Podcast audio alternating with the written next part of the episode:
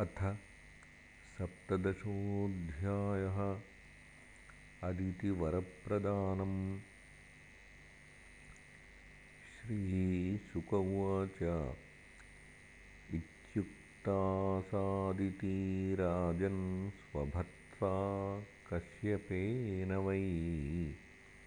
अन्वतिष्ठद्व्रतमिदं द्वादशाहमतन्द्रिता चिन्तयन्त्येकया बुद्ध्या महापुरुषमीश्वरम्। प्रगुह्येन्द्रियदुष्टाश्वान् मनसा बुद्धिसारथिः। मनश्चैकाग्रया बुद्ध्या भगवत्यखिलात्मनि वासुदेवे समाधाय चचारः पयोव्रतम्। तस्याः प्रादुरभूत्तात भगवानादिपूरुषः पीतवासाश्चतुर्बाहुः शङ्खचक्रगदाधरः तं नेत्रगोचरं वीक्ष्य सहसोत्थाय सादरं ननामभुवि कायेन दण्डवत्प्रीतिविह्वला। सोत्थाय बद्धाञ्जलिरीडितुं स्थिता नो सेह आनन्दजलाकुलेक्षणा। बभूव तूष्णीं पुलकाकुलाकृतिः। तद्दर्शनात्युत्सवगात्रवेपथुः प्रीत्याशनैर्गद्गदया गिरा हरिम् तुष्टावसादेव्यदितिः कुरूद्वः। उद्वेक्षती सा पिबतीव चक्षुषा। रमापतिं यज्ञपतिं जगत्पतिम्। अदितिर्वाच।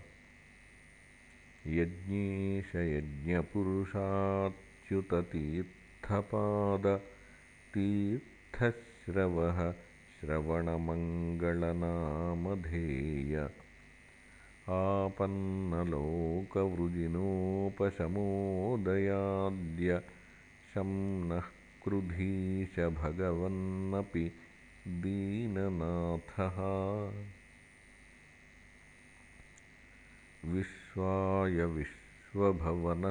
विश्वभवनस्थितिसंयमाय स्वैरं गृहीतपुरुषक्तिगुणाय भूम्ने।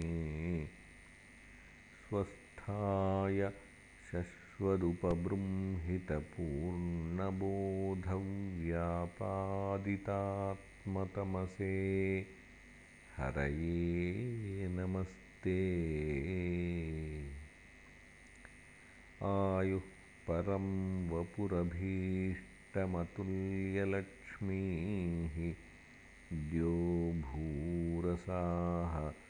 सकलयोगगुणास्त्रिवर्गः ज्ञानञ्च केवलमनन्तभवन्ति तुष्टात् त्वत्तो नृणां किमु सपत्नजयादिराशीः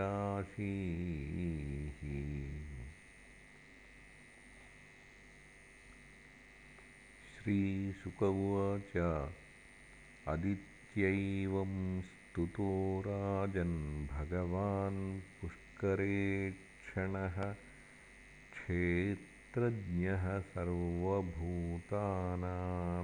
होवाच भारत श्रीभगवानुवाच। देवमातर्भवत्यन्यथा भक्त्या मे विज्ञातं चिरकाङ्क्षितं यत्सपत्नैर्हृतश्रीणाञ्च्यावितानां स्वधामतः तान् विनिर्जित्य समरे दुर्मदानसुरर्षभान् प्रतिलब्धजयश्रीभिः पुत्रैरिच्छस्युपासितुम्।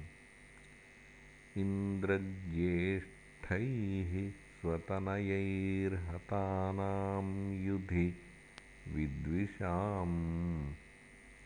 स्त्रियो रुदन्तीरासाद्य द्रष्टुमिच्छसि दुःखिताः।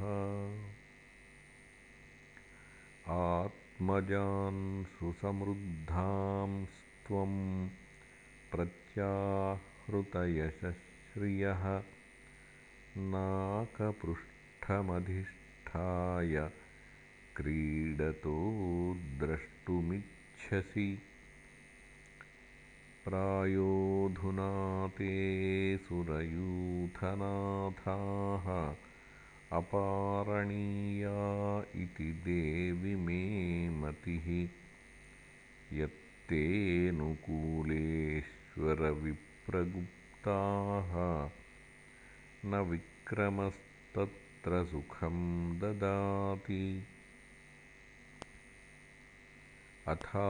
अथाप्युपायो मम देवि चिन्त्यः सन्तोषितस्य व्रतचर्यया ते ममार्चनं नार्हति गन्तुमन्यथा श्रद्धानुरूपं फलहेतुकत्वात्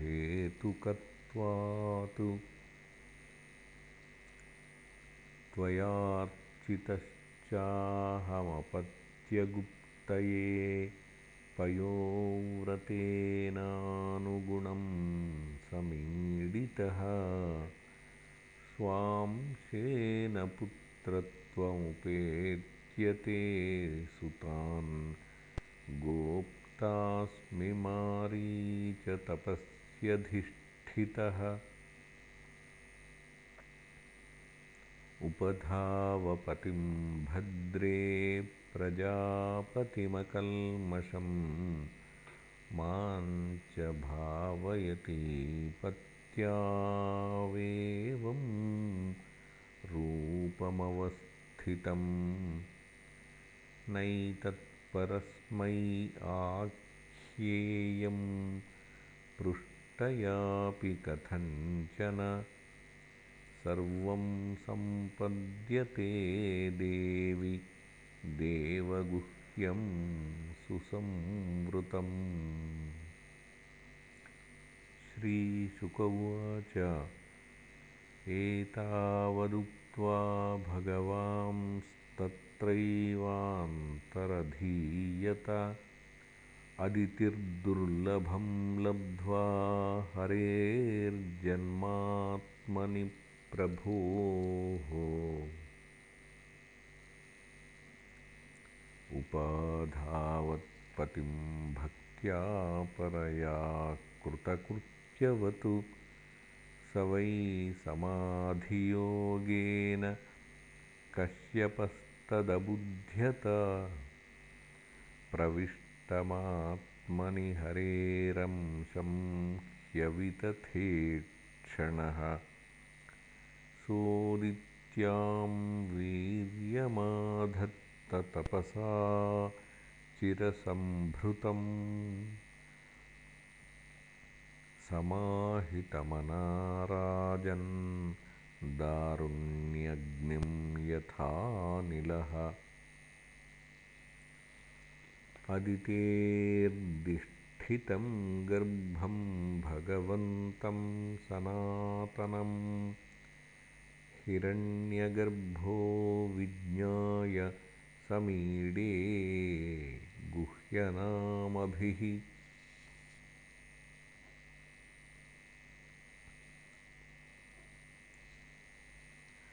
ब्रह्मोवाच जयोरुगाय भगवन्नुरुक्रमनमोऽस्तु ते। नमो ब्रह्मण्यदेवाय त्रिगुणाय नमो नमः। नमस्ते पृश्निगर्भाय वेदगर्भाय वेधसे। त्रिनाभाय त्रिपृष्ठाय शिपिविष्टाय विष्णवे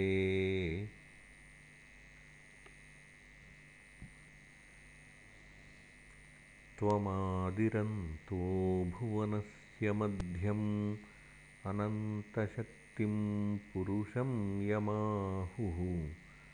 कालो भवानाक्षिपतीशविश्वम् प्रोतो यथान्तः पतितं गभीरम्। त्वं वै प्रजानां स्थिरजङ्गमानां प्रजापतीनामसि सम्भविष्णुः। दिवौकसां देवदिवश्च्युतानां परायणं नौरिव मज्जतोऽप्सु। इति श्रीमद्भागवते महापुराणे पारमहंस्यां संहितायाम् अष्टमस्कन्धे सप्तदशोऽध्यायः